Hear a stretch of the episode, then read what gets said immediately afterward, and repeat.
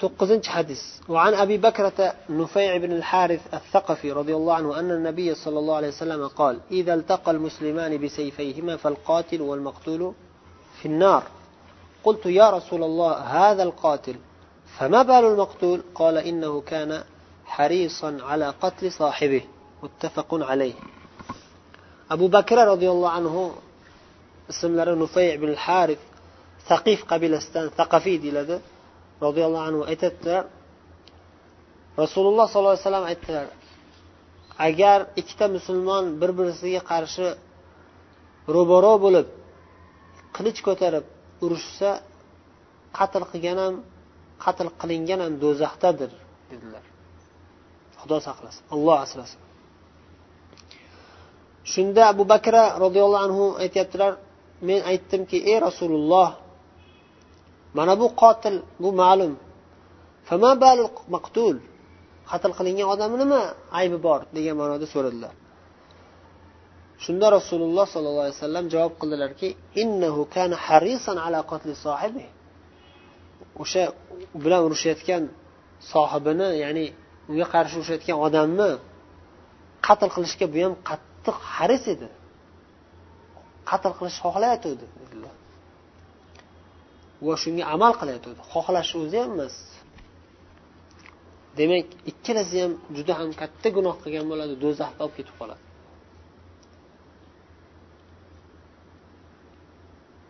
Qilich deb aytdilar. Avtomat miltiqlar kirmaydimi? Hammasi kiradi. Bu yerda bu o'sha paytda eng ko'p ishlatilgan narsani misol tariqasida aytyaptilar. O'zi aslida katta bir toshni olib bir birisiga hujum qilsa ikkalasi ham qotil hisoblanadi shuning uchun sharhda ham shu narsani bayon qildilar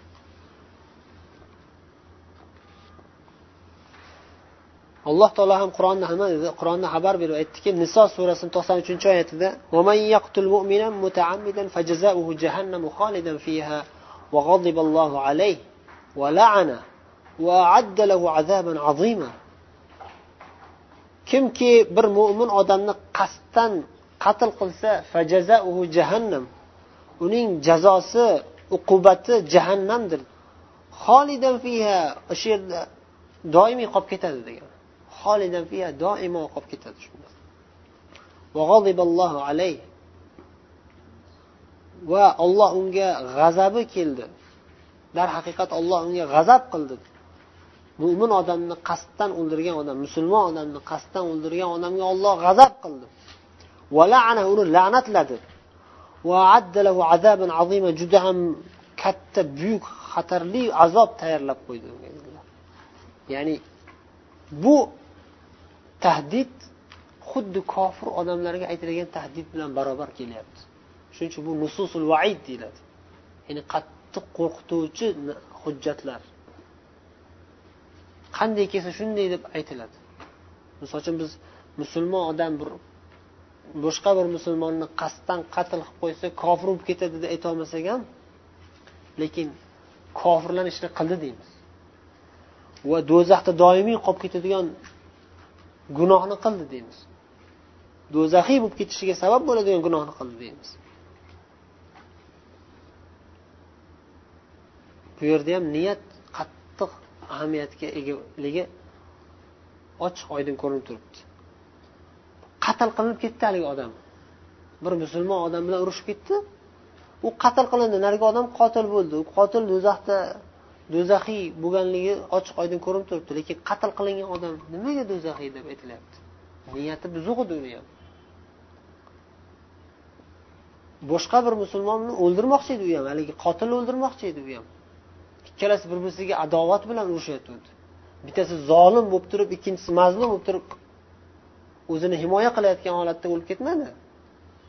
U ham zolim edi bu ham zolim edi. Xuddi ya'ni biza endi yaqin voqea bo'lganligi uchun esimizga tushaveradi bu narsa. Qirg'iz o'zbek ya'ni qaysidir o'zbek qasddan shu qirg'izni o'ldirmasam bo'lmaydi deb urush o'ldirayotgan bo'lsa u ham zolim u.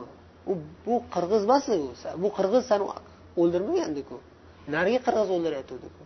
Bitta qirg'iz o'ldirsa hamma qirg'iz aybdor emasku. Qirg'izlarni qirib tashlash kerak deb ba'zi bir shoirlar she'r yozib. E, bu zulm bu. Qaysidir bir odam sizga hujum qilsa biz kelishdik ittifoq qildik. Sahih hadisda aytdilar rasululloh o'zingizni himoya qilishingiz uchun urushing. O'shanda o'ldirib qo'ysa siz gunohkor bo'lmaysiz u odam gunohkor bo'ladi qotil odam.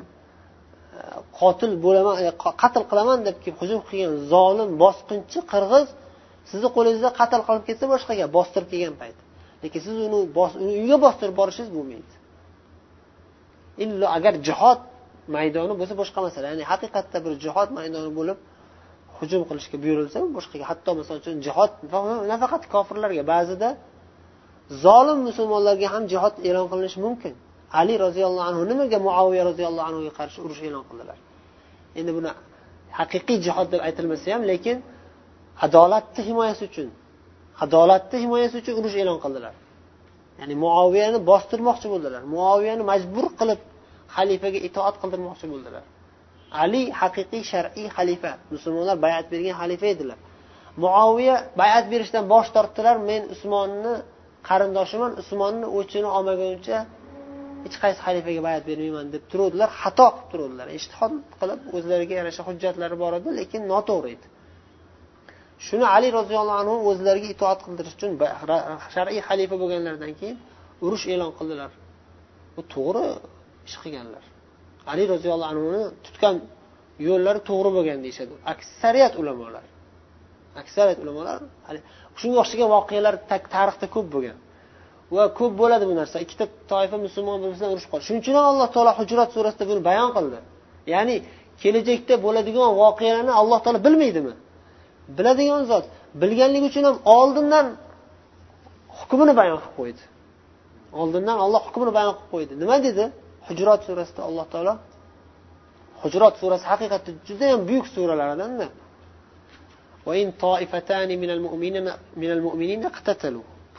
فأصلحوا بينهما. فإن بغت إحداهما على الأخرى فقاتلوا التي تبغي حتى تفيء إلى أمر الله. فإن فاءت فأصلحوا بينهما بالعدل وأقسطوا إن الله يحب المقسطين. إكتا مسلمون طائفة وإن طائفتان من المؤمنين مؤمن لردن بغن إكتا طائفة.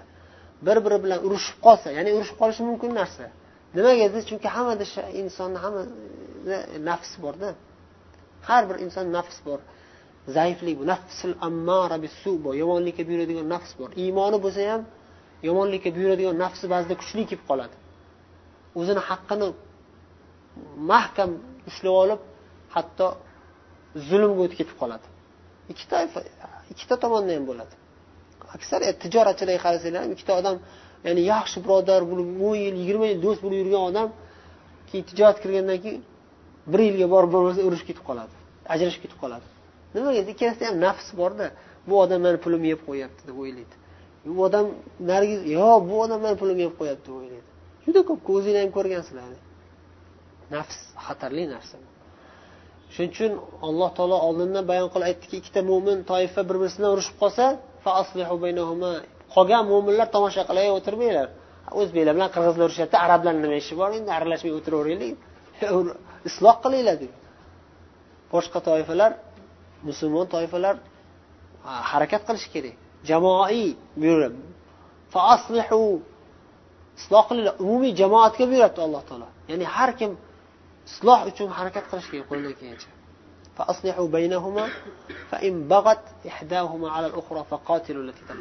agar shu isloh qilamiz desanglar ham shu ikkita toifadan bittasi ikkinchi toifaga hujum qilaversa haddan oshaversa cheklanmasa o'shanda nima deydi haddan oshayotgan toifaga qarshi jang qilinglar. Ba'zida ikkita toifasi ham haddan oshib ketadi. Aksar holatlarda bir toifa zolimroq bo'ladi lekin ba'zida ikki toifa ham zolim bo'lib qoladi. Ikkalasi ham qovushmaydi. Nimaga endi man e, sulhga rozi bo'lishim kerak ekan bu rozi bo'lmasligi kerak ekan? E san san rozi bo'lgin bu ham rozi bo'ladi desa yo u birinchi rozi bo'lsin deydi. Kelib turib san rozi bo'lgin? Yo u birinchi rozi bo'lsin deydi. Urishaveradi bir birisiga otaveradi. Ayb menda bizda emas ayb bularda deydi. U kelsa yo menda emas unda deydi. Ikkitasi ham rozi bo'lmaydi sulhga. Ikkalasining adabini berish kerak bo'ladi shunda. Endi adabini berishga qodir bo'lgan jamoa bo'lishi kerakda buning uchun ham. Adabini berishim kerak ekan deb u yog'i hamma odatdan tarab ketmaslik kerak. Shunday bo'lib ketyaptida hozir ko'p voqealar ko'p holatlarda olloh asrasin isloh qilsin musulmonlarni ahvolini. Demak bir toifa bir tomon zolim bo'lib ikkinchi tomon mazlum bo'lib mazlum tomon g'olib kelib zolim tomonni o'ldirib qo'ysa bu gunohkor bo'lmaydi. Qasddan qilmayapti bu o'zini himoya qilish uchun qilyapti bu gunohkor bo'lmaydi. Lekin ikki taraf ham zolim bo'lib ikki taraf ham bir biriga qarshi qurol ko'tarib chiqib urushsa rasululloh alayhi hadisda aytib qo'yganlar hatto meni ummatimni johiliyatdan qolgan ba'zi bir xislatlar qolib ketadi deganlar. Shulardan bittasi shu millatchilik. Millatchilik ma'nosidagi johiliyatdan qolgan hislat aytganlar. Ikkinchisi o'lgan odamga dodvoy qilib yuborish. Insonni zaifligidanda ikkalasi ham zaifligidan inson. Bir tomoni o'shaligi qavmi qarindoshi millati deb turib iymonidan chiqib ketib qoladi iymoni susayib ketib qoladi. Ikkinchi tomoni haligi o'zini besabrligidan insoniyatda bor narsa bu narsa alloh asrasin. Shuning uchun iymon qutqaradi bu narsadan iymonga qattiq bog'lanishimiz kerak o'ninchi hadisni ham o'qib qo'ysak o'ninchi hadis endi ba'zi bir nusxalarda raqam farq qiladi ba'zi bir nusxalarda e, ikkita hadis bir birisiga ma'nosi yaqin bo'lsa bitta hadis hisoblab turib bitta raqam qo'yib qo'yishadi وعن أبي هريرة رضي الله عنه قال قال رسول الله صلى الله عليه وسلم صلاة الرجل في جماعة تزيد على صلاته في بيته وصلاته في سوقه بضعا وعشرين درجة.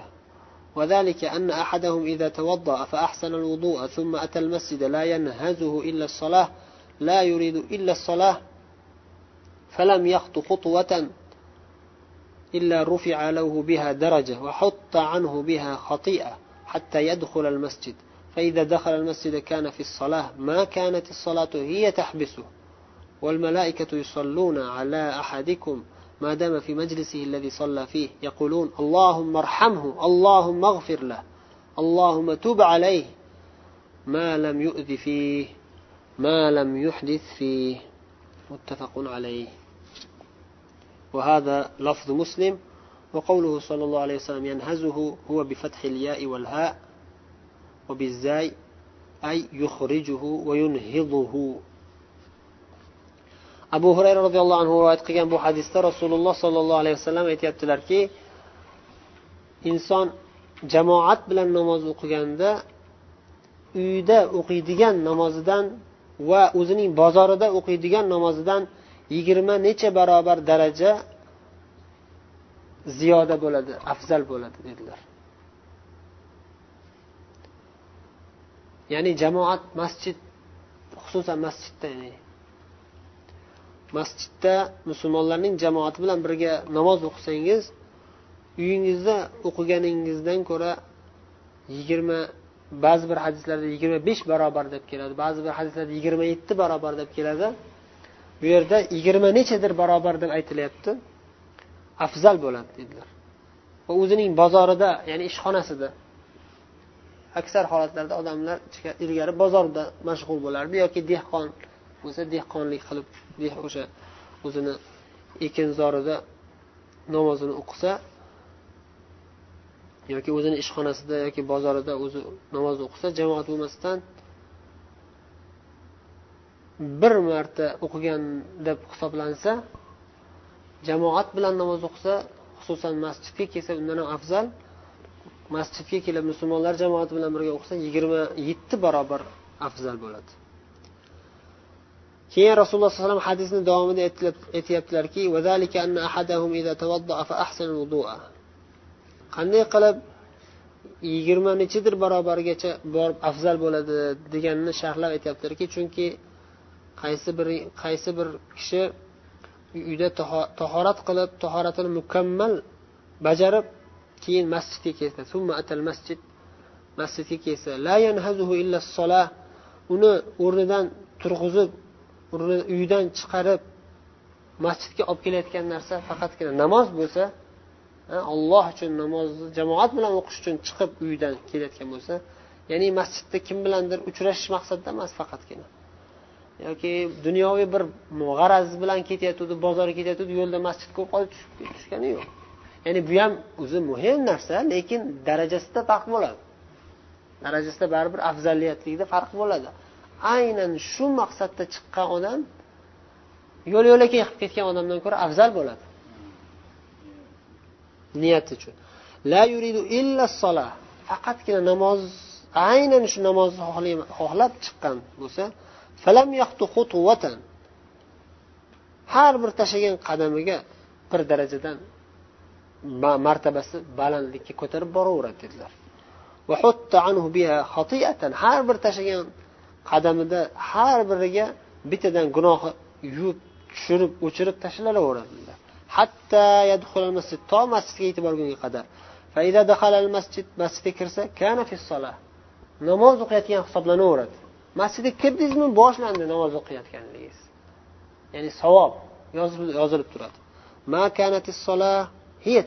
Modomiki masjidda qolayotgan vaqtingizga sabab namoz bo'lsa. Masjidda bir soat o'tirasizmi ikki soat o'tirasizmi nima uchun o'tiribsiz?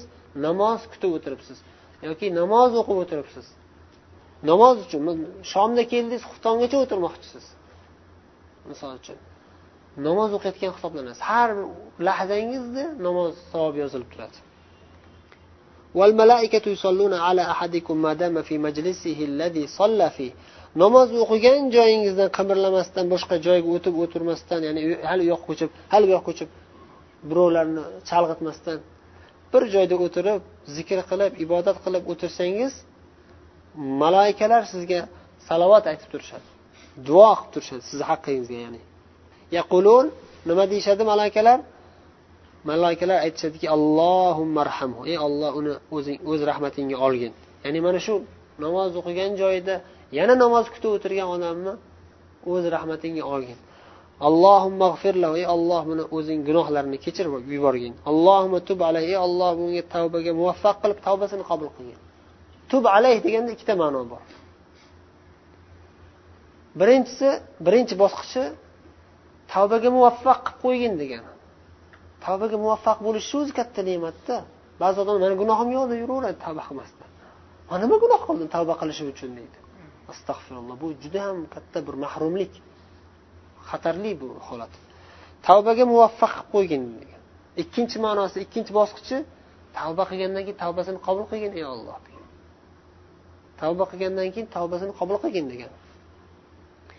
Demak mana shu fazilatlar kimga bo'ladi? Namoz kutib o'tirgan odamga va yana bitta sharti nima? dedilar malam yuzifihi masjidda aziyat bermagan odamga. Masjidda hech kimga aziyat bermasdan o'tirgan odamga dedilar. Yana bitta sharti malam yuhdifihi tahoratini buzib qo'ymagan odamga. Tahoratini buzib qo'ymagan odamga. Tahorat buzildimi? Masjidda tahoratsiz o'tirmang. Chiqib tahorat qilib keling sizga gunoh bo'lmaydi balki savobingiz oshadi yana. Tahorat buzilib qoldimi yoki buzilishga chaqiryaptimi? O'tirmang masjidda chiqib keling tahoratim buzilguncha o'tiraman deb o'tiravermang tahoratingiz havo chiqish uchun ham masjiddan chiqib keting. Ya'ni ba'zi odamlar masjidda o'tirgan joyda tahorat buzib o'tiraveradi. Odobsizlik bu ham. Odobsizlik masjidda hurmati uchun tashqariga chiqib tahoratingizni buzib boshqatdan tahorat qilib keling ozob berishga kirib qoladi. Tahoratni masjidda buzib qo'ysa hatto uncha bilinmaydigan narsa bo'lsa ham baribir odobsizlik va ozor berishlik bo'lib qoladi. Odamlarga ozor bermasangiz malaikalarga ozor bergan bo'lib qolasiz xudo saqlasin. Lafzu muslim. Mana shu lafz muslim rivoyat qilgan lafz imom muslim rivoyat lafzlari. Ya'ni kengroq kelganda imom muslim rivoyatlarida sal kengroq keladi. O'shaning uchun imom muslim rivoyatlarini tanlagan bo'ladilar hozir bu keyingi ozor bermaslik va torat buzmaslik nima nima bo'ldi? O'sha ham o'sha bo'ldimi? Sharti bo'ldi namoz o'qiyotgan bo'lishingiz uchun ya'ni namoz savob bo'lishi uchun. O'tirgan joyingizda namoz savobini olib o'tirishingiz uchun mana shu shartlar bor. Namoz kutib namoz kutib namoz niyat qilib o'tirishingiz kerak va e, tahoratli bo'lib o'tirishingiz kerak va birovga ozor bermasligingiz kerak eng afzalni qilaman desangiz yana shartlar qo'shilaveradi. Ya'ni masalan joyingizda qimirlamay o'tirishligingiz yana ham afzal. Xususan bomdoddan keyin kun chiqquncha joyidan qimirlamasdan o'tirishlikda alohida yana bir hadis kelgan. Umrani savobi bo'ladi deb. Ya'ni yarim soat bir soat o'tirasiz boring bir soat deylik. Bir soat o'tirasiz bir joyda qimirlamasdan makkaga borib umra qilib kelganday savob bo'ladi sizga. Jamoatni farzmi sunnati muakkadami ulamolar o'rtalarida ixtilof bo'lgan bu yerda imom e, shayx usaymin rahimaulloh farz deb shuni hujjati kuchli deb aytyaptilar. Musulmon odam erkak kishi balog'at ketgan odam doimo masjidda jamoat bilan namoz o'qishi kerak farz vojib. Ba'zida uzr bo'lib borolmay qolsa yoki sal kech qolsa inshaalloh gunoh bo'lmasa ham lekin katta ajrdan qolib ketib qoladi. Niyat. Niyat. La yuridu illa deyapti namoz maqsadda chiqqan bo'lsa yigirma yetti barobar savob bo'lishi uchun ham niyat kuchli bo'lishi kerak. Mavzu hammasi niyatga bog'lanyapti. Bu bob. Ixlos niyatga bog'lanyapti. Agar yomonlik jihatini olsangiz riyo suma tarafdan olsangiz ba'zi odamlar jamoatga chiqadi lekin nima uchun desangiz odamlar ko'rsin uchun chiqadi. Niyati yo'q. Bu odam savob olishmi o'rniga gunoh olib keladi xudo saqlasin shirk bo'lib qoladi. Niyat juda ham e, zarur narsa. Bugun shu bilan kifoyalanamiz subhanakallohumma bihamdik nashhadu an la ilaha illa ant nastag'firuka va natubu ilayk. Assalomu alaykum va rahmatullohi va barakatuh.